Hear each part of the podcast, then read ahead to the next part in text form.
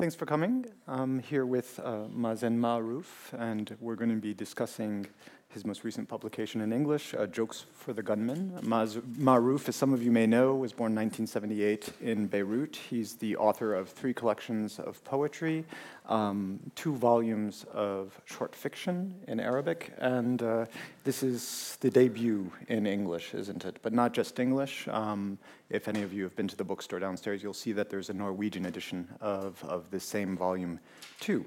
Uh, he won a prize, uh, the I'm going to pronounce this horribly probably, the Al-Mutaka Al-Multaka. Al-Mutaka Prize uh, for short fiction in 2016, and then the collection made the long list for the Man Booker International Prize in 2019. So it's circulating, and now you understand why it's appearing in all of these different languages. And um, we'll talk about the collection at greater length um, uh, as a whole, but I'd like to begin with the title story which is long enough to be a novella, and it's at the very beginning, and it seems like an uh, appropriate subject um, for today's discussion, to initiate it at least. Uh, jokes for the gunman. And uh, it is set in, well, if one has read your biography, one assumes that it's something like Beirut, but it's in any case, it's an unnamed city where there's a civil war, and there's a first person narrator. A child um, who uh, is actually the, is going to tell the story um, and uh, and report on it.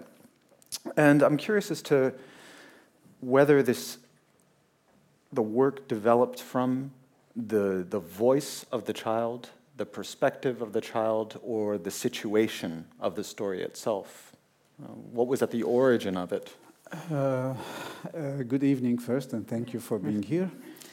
Um, I think uh, I wanted to be as honest as possible to my own, uh, to my personal experience when it came to these stories, stories in the collection here. Um, I never, uh, first, I never like imagined that I would be writing short stories, you know, in the beginning. Uh, but after I moved from Beirut to Iceland in 2011, uh, I started to confront all these memories, horrible memories in a way, like uh, traumas from the war of militias in Beirut during the 80s when I was like a child, and it was the time wo- like where I probably developed like or carried or I, I thought or discovered that I'm carrying a memory of like all these horrible things that started to uh, appear again in Iceland because I never thought about it in Beirut. Like, and I, I, I just want to, to, to, tell something here that um, you know Beirut is very tense city. Mm-hmm. Uh, fr- like frustration, anger, everybody is. Uh, You're talking about contemporary Beirut, yeah, today's like, Beirut. Yeah, yeah. and mm-hmm. also like Beirut in between 2000 and after 2005 until 2010, you know, mm-hmm. like so, like, and this is where I used to live and write and function normally in Beirut. So, when I moved to Iceland, I found out that it's so peaceful, you know, the city, like Reykjavik, is so peaceful that it's disturbing in a way. Like, I can't really, I couldn't think properly to, I didn't know what to write about or what to do. And um, in a kind of self defense mechanism to protect the part of me who's wanting to be a writer or something, I started to regenerate these memories, mm. but in a way that would haunt me every night. And I wanted to make something out of them. So I thought, okay, I want to use them as a raw material for fiction, but in a way that's like, that's also away from reality and to create some alternative reality in which I'm safe, like because I'm outside. So I that's why I chose the fiction, not, not the mm-hmm. nonfiction, mm-hmm. because in the fiction I can be still outside. I can use my input in a way, but I can know that I am safe. You know, mm-hmm. I don't have to to pass through like everything that I lived personally. Mm-hmm. And uh, but I didn't have any any like I didn't think of any way to how to write these stories, or so I just wanted to be writing naturally. And uh, now when I think of questions of like why jokes for the gunman or something like that, I just think of this part. I remember when we used to be in shelter in Beirut under bombing, and you know, like, and then suddenly you have people.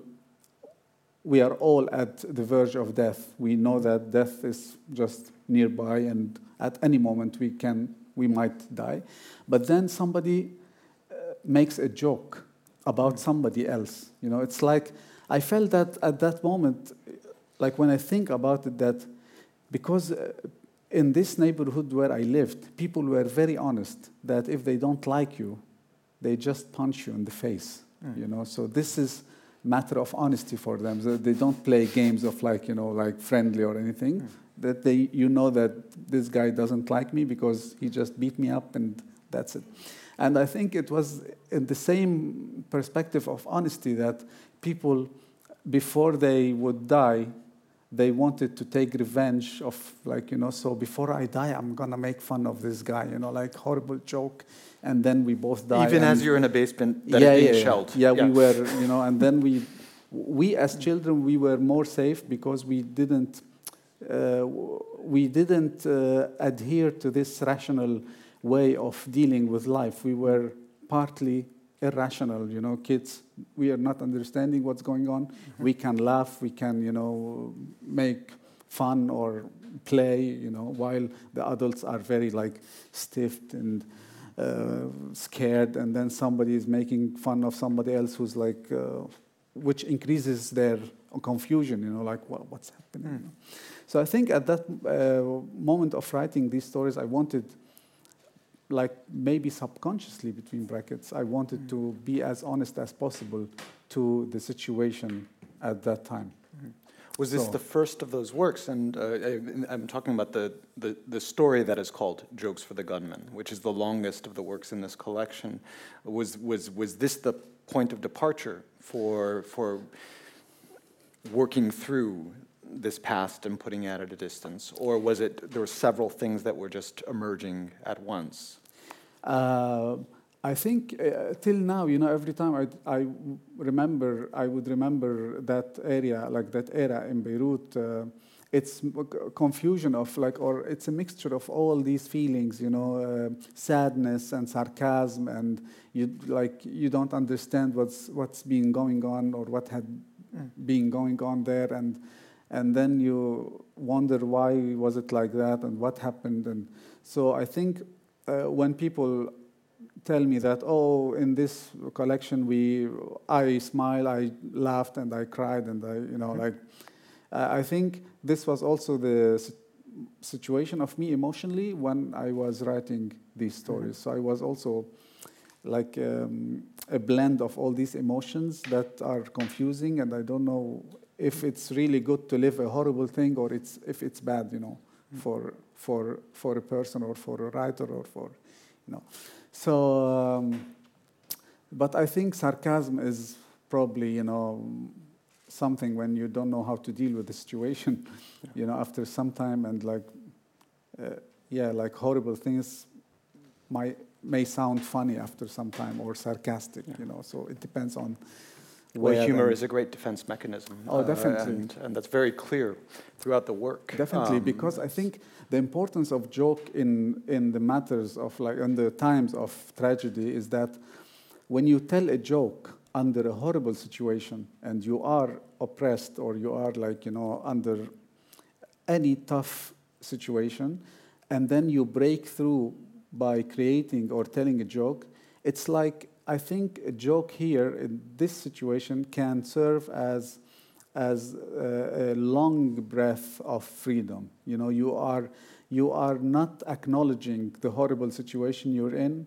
Mm-hmm. You're just uh, creating something. It's creative. It's like very daring to tell a joke, to make a joke, and you, as you are like making joke, you are also deconst- like or destructing you know, the coordinates of the event around you or of the place. Mm. And then what happens is that um, I think it's the last gasp of freedom before. So I think from psychological probably point of view, when these people wanted to make jokes before at the last moment of their death, you know, uh, it was just to to try to breathe some freedom, to be like free, you know, before they die, like a moment of freedom, I think.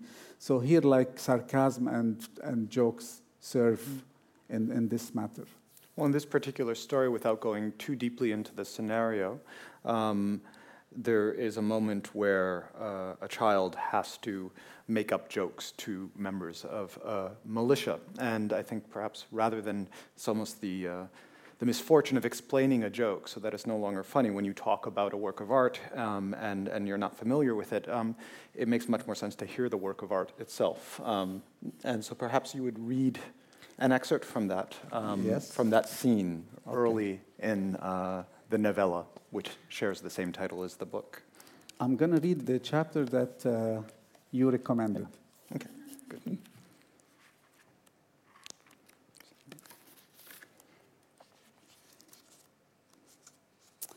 So I'm going to read the, uh, I think the first story is um, maybe nine, uh, ten chapters, ten small chapters, and I'm going to read chapter five.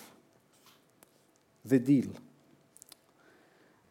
I was holding out hope that the gunmen would be organ fans because my deaf brother struck me as a hot commodity. Well, not one that was top notch, I admit. The fact that his ears didn't work meant that part of him was missing.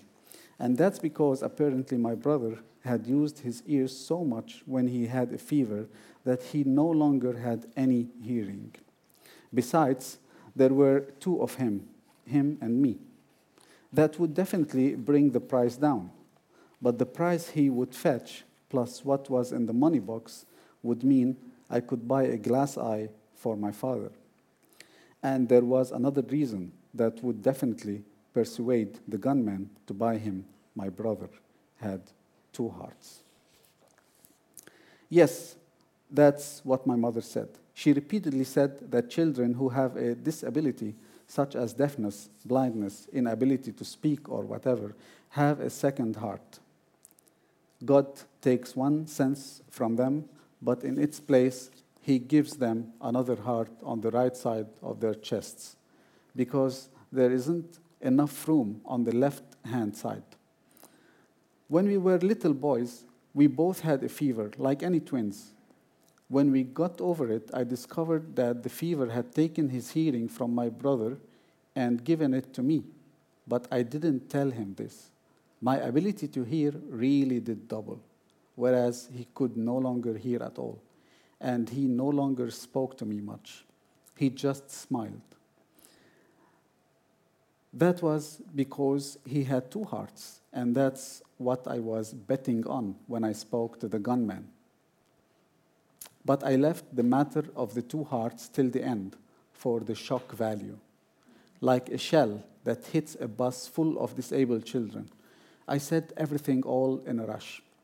I went up to the gunman and asked, asked him, Are you organ fans?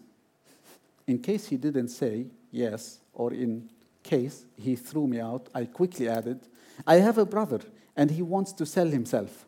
My brother and I are one. He's the one who will sell himself to you, but I'm the one who will get the money. I don't want to cheat you. He can't hear, and there are two of him, me and him. But my brother does have two hearts. The gunman looked at me and said, Two hearts? And you want us to traffic in organs? What do you know about human organs, you piece of shit? Everything, I lied. Everything? Then show me where your phallus is. It's inside my body here, I said, putting my hand on my hip to the left of my belly button. The gunman burst out laughing. In fact, I had long had a feeling that a person's phallus had something to do with their kidney, but I didn't know where exactly it would be. No one had told me that a phallus was the willy, as my father called it, that I piss through.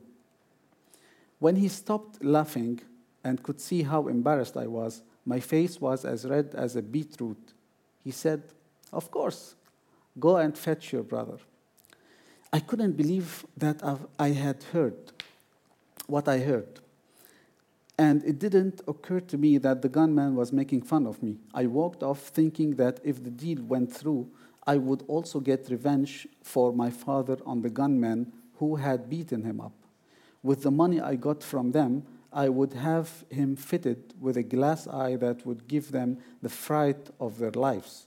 Instead of going back home, I waited till it was time for the kids to come out of school. I was very happy, and when I went in, I found my brother and my mother as usual. He smiled at me.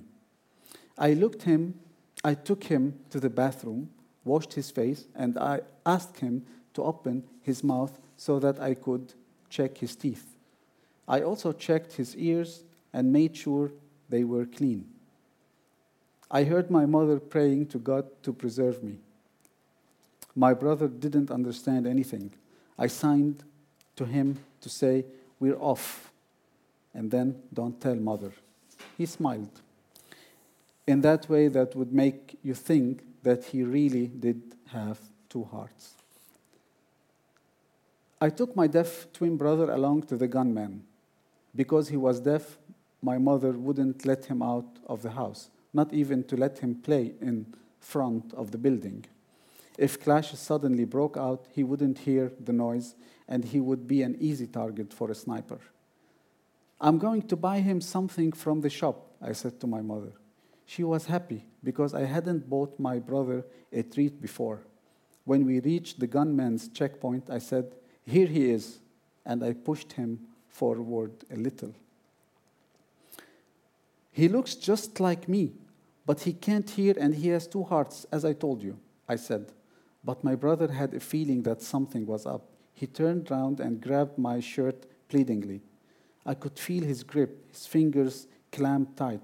I realized he was frightened. He dug his heels into the ground like a little goat and looked at me. This is for dad's sake, I told him with signs. So you're here to sell your brother, said the gunman. Yes, I will sell him to someone else if we can't agree the terms, I answered confidently. Since you are serious, come and let's make a deal upstairs, he said, gesturing, gesturing to my brother to wait. When my brother saw me go into the building with the gunman, he burst into tears, but I waved to reassure him. Thank you. As the funniness here manifests, I think, in the gap between the child's imagination and, and the reality. And of course, the reader understands the difference between the two, right? So, so that a phallus is, the reader knows that the phallus is not somewhere located by the kidney or the hip, um, and you're familiar with all of those things.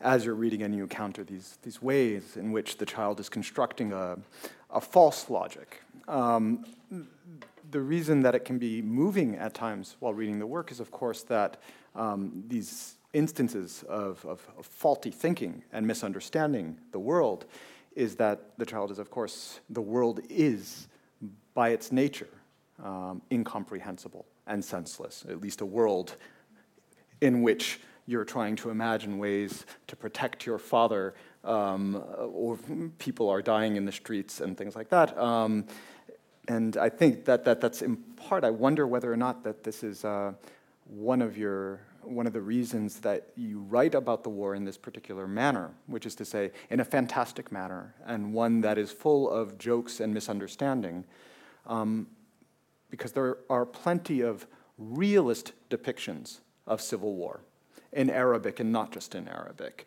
There are plenty of humorless depictions of these horrible scenarios that have occurred for centuries, right? Um, and uh, but this is this is choosing to work through the material differently, um, and uh, yeah, I wonder whether you can comment on yeah, that. Yeah, definitely. It's like kind of uh, tricking the memory here, yeah. because I think. Uh, um, uh, like in the first level, like uh, my purpose was to to try to uh, take down these memories because I was really getting annoyed of you know remembering, and it, it was it was funny because like Iceland, is Reykjavik is so different from Beirut yeah. like that. It's super calm and people are quite smiling and relaxed, you know. While in Beirut, if you look at somebody in the street, if you look in the eyes of somebody, they get offended and insecure and they would ask you, why are you looking at me? You know, mm. like, what's wrong? What's so like, I hear the climate is similar too. Uh, oh, sure, yeah, yeah. well, I would uh, actually uh, like uh, the thing is like uh, probably ice would be a very good solution to calm down the earth, you know, and all these conflicts around, you know, like, like. Um, really, Doesn't seem very promising. yeah, future, it's like you know, but uh, but it's like uh, you you don't choose what what you're living as a child, and then you know that the damage these events caused uh, are way more horrible. I really like. Um, um, like my family, for example, they fled Tell el-Za'atar camp in 1975, fled a massacre. Then we lived in Shatila camp for some time before the massacre. Like, well, my father had a fist fight with a woman there, you know, in the camp, and he had to leave two months before the massacre or something. What luck? I, I would say thank you to this woman. You know, I don't know where.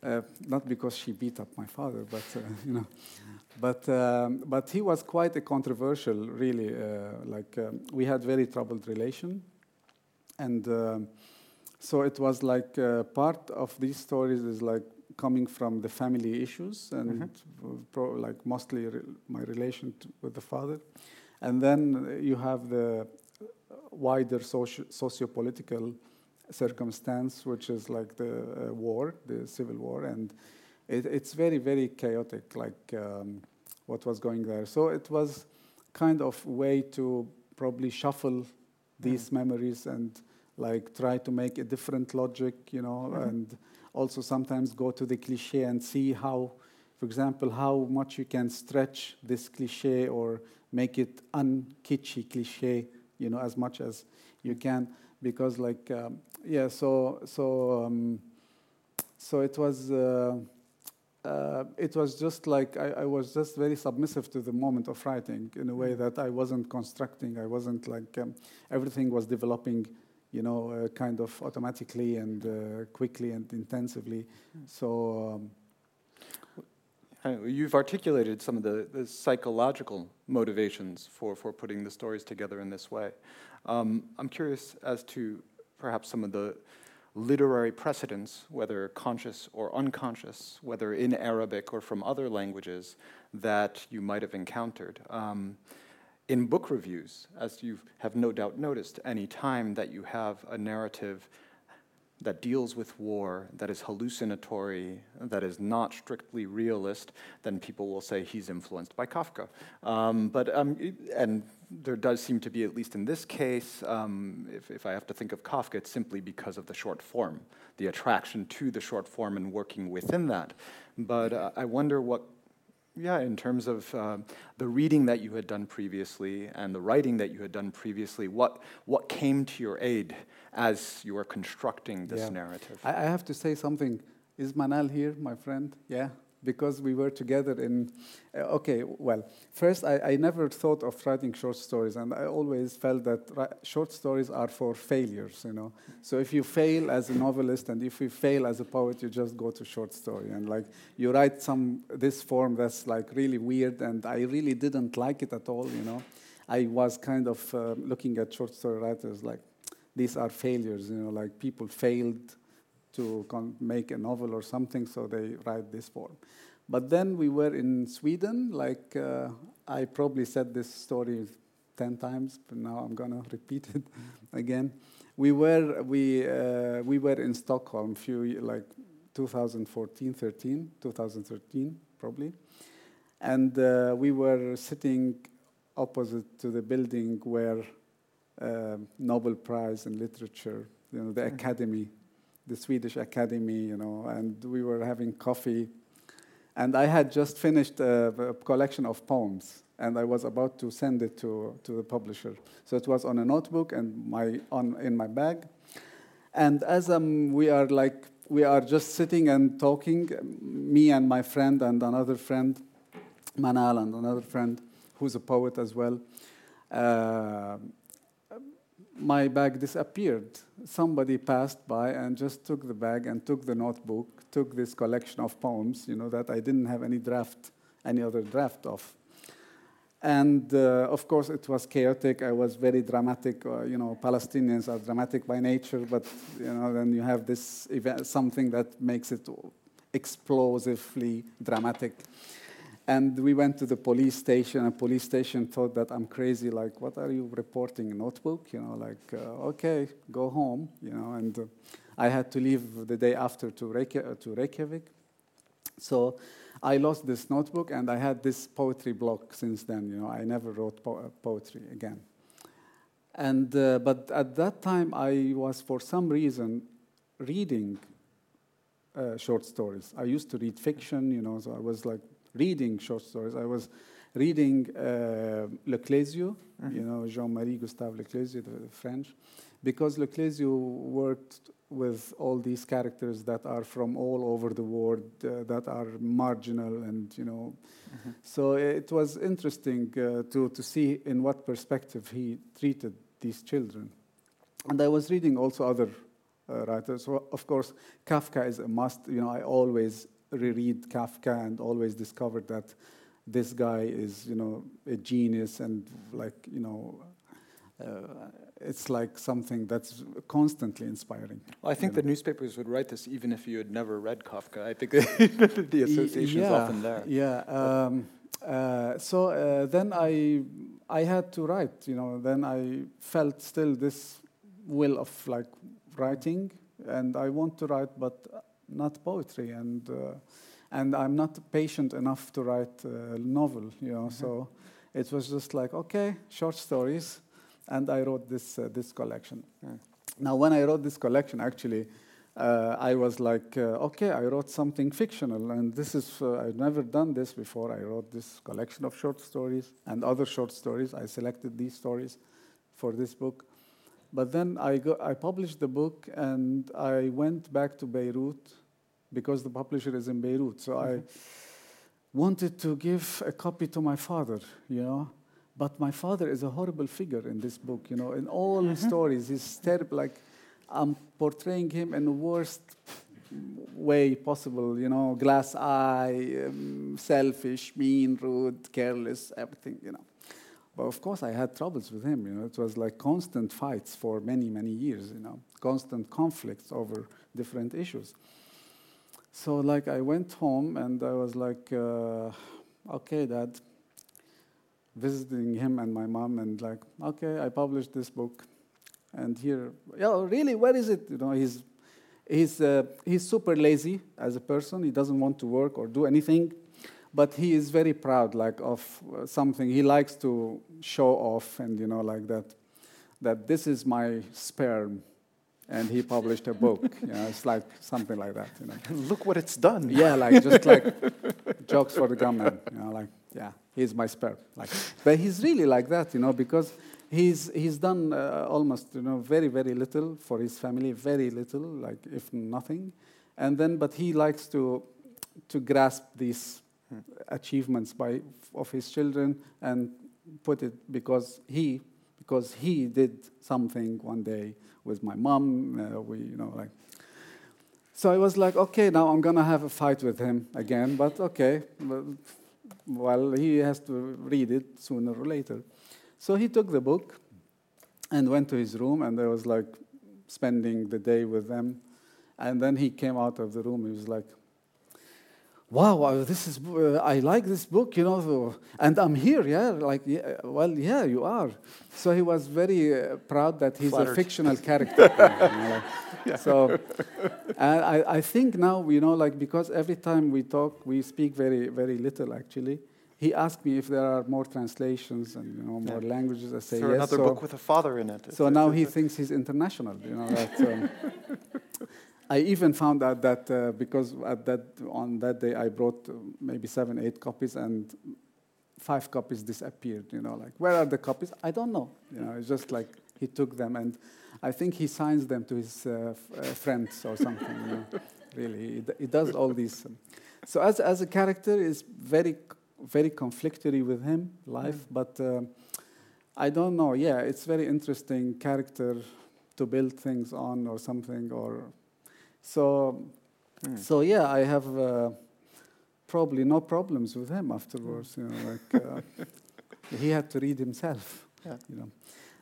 I'd like to ask a question about Iceland, um, or several questions about Iceland. It's, it's, it's nearly 10 years, nine, 10 years since you've moved there. And I, th- I take it for granted that if sounds, you've been. It sounds horrible, nine years in Iceland, you know, like yeah. exile or something. And, uh, and of course, that's going to influence and affect um, the way that you remember and think of Beirut, uh, the way that you remember and think of your family, but also I assume um, it must influence your experience of the language of, of Arabic, um, however engaged you can be online and however often you might speak on the phone. I, that I have two parts to the question. I, the first part is, is looking back to what extent and in what ways has that relocation altered your relationship to the Arabic language that you write in? And then there's a second question which has to do with the influence of perhaps Icelandic culture and language and the climate in the broadest sense, um, but we can save that for later.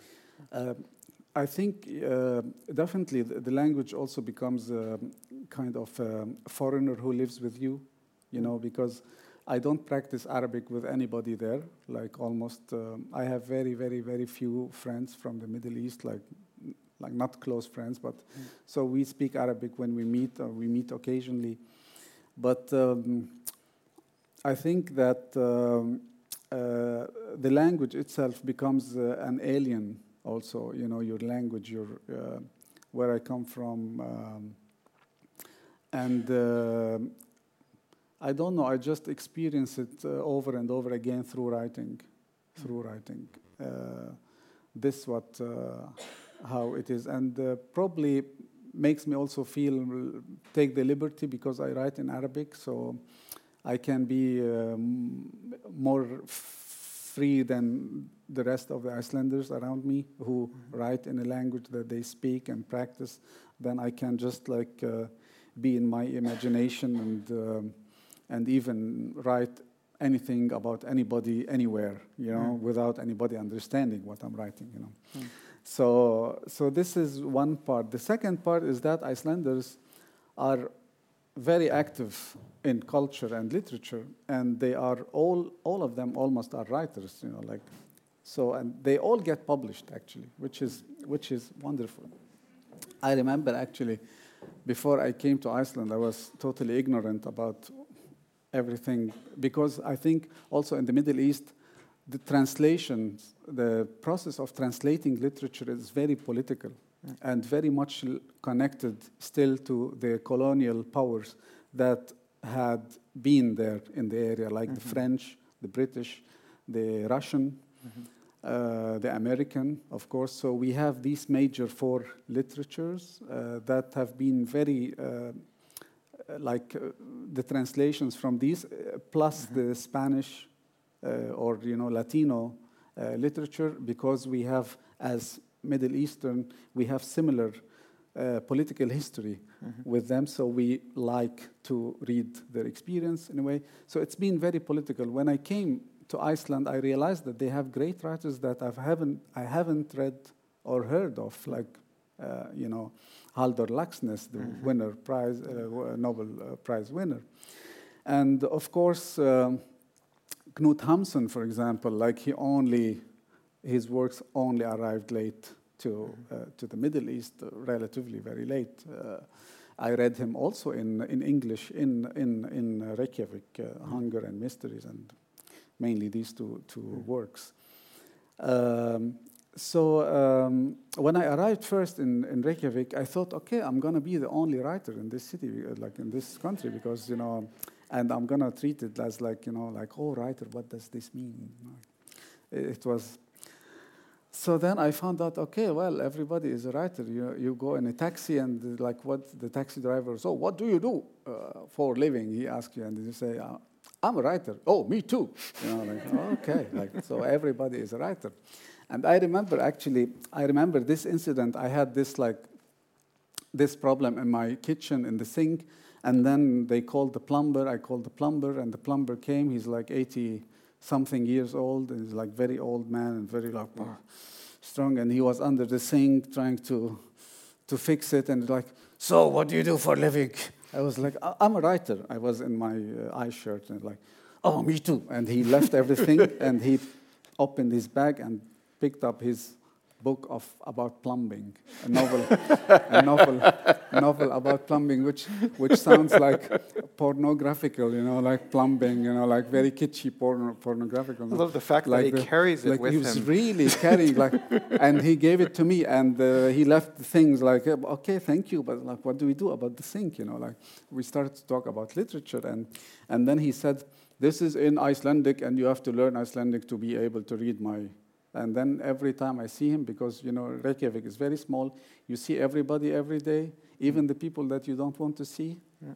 you see, you know. Yeah. So like every time he he meets me, he asks me, uh, "So did you read my book? Did you read my book?" You know, like so. But it's amazing that uh, they take it so seriously, you know, for, and so honestly that he writes a novel about plumbing, you know, like so. Mm. Um, so this is this is the. Um, the wonderful thing about Reykjavik that it's very vibrant and um, and uh, I have the chance to also read works that are contemporary that I cannot read in Lebanon mm. like that fast. So it definitely had influenced me and enriched me in some ways.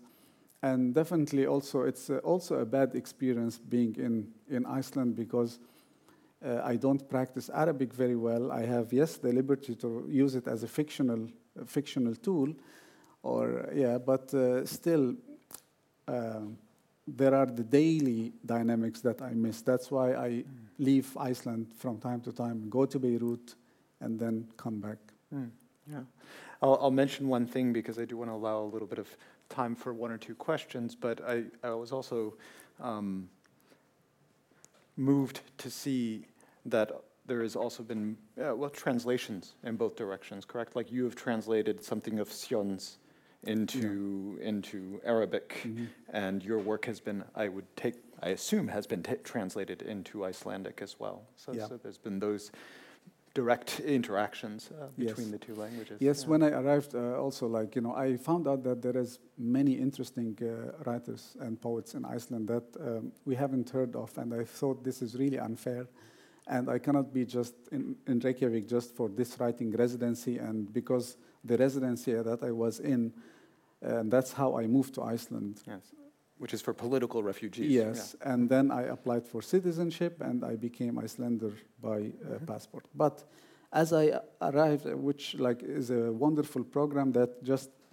asks me to do whatever I want, write, you know, I thought I can't be really only focusing on my writing. I have to translate these wonderful writers into Arabic, or as many as, as possible. And of course, I worked through an intermediate language, which is English, but I worked with the writers or poets.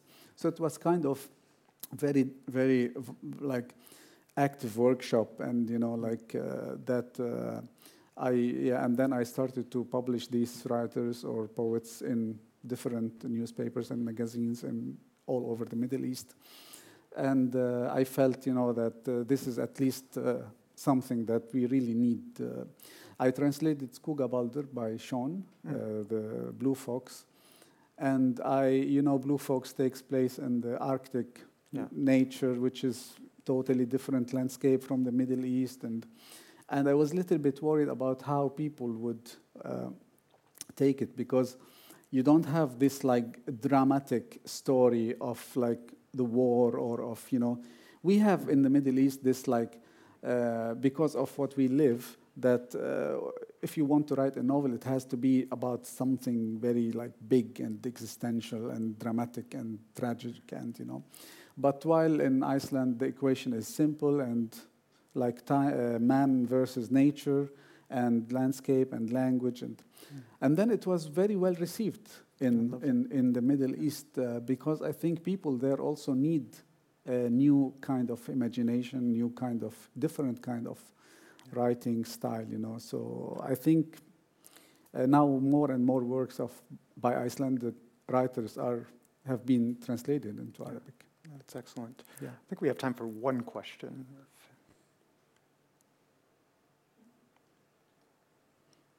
if there is one.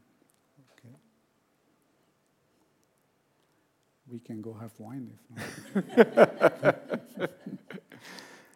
Well, I would, uh, well, I- I'm curious as to whether you, you've spoken of contemporary writing. Have you had the opportunity to, to, to read a saga or some of these other things that have influenced the other writers that, that you read? Yeah, Um, like uh, uh, definitely. I didn't read the whole sagas, no, but I I uh, was reading like But different modes of chapters, of storytelling, right? Yeah, Definitely.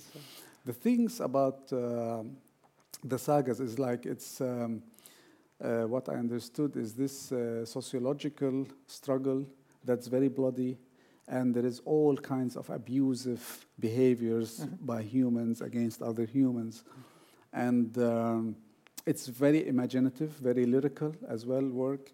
Uh, which also has something to do with 1001 Night, one, Mm. 1000 and a Night, like, you know. Um, um, because like uh, it it serves like these two big books or big how do you say products of literature medieval literature in some way serve as like very uh, good reservoir of imagination for many contemporary writers like i mean even writers from like flaubert he he says that he read 1001 night like seven or eight times you know like or so it's like um, I was also in Iceland. I was reading, uh, going back to these old texts and reading. You know, so I was actually, but I was yeah more interested in exploring the ancient texts in the Middle East, like or produced by you know in Arabic or uh, which I think would help me uh, rely on imagination in some way when I'm writing these stories, because I always try to avoid reality as it is, you know, like uh, because I think I'm not that really brave to confront uh, my life and what happened and uh, to dig deep into these things. It's too painful. So this is safer. Like fiction is is always safe because you have a distance and you can just uh, shuffle the reality and facts Mm. and uh, try to establish new equations between people and you know relationships. So, so I think um, yeah, like Iceland, I wouldn't call it an exile. I would call it like a um, place where it has the positives and the negatives. Yeah. Well, I'd like to thank Mazen Maarouf for coming. I'd like to thank you in the audience as well and, and make you all again aware that there are copies of this in English and in Norwegian downstairs, and you can have this the opportunity for Mazen to sign it. Um, or my father, if you want. yeah, oh. I can I can forge his sign. or his sperm. you his know, name. it's Really. I I can do it. Yeah. Thank you. Thank you. Thank you.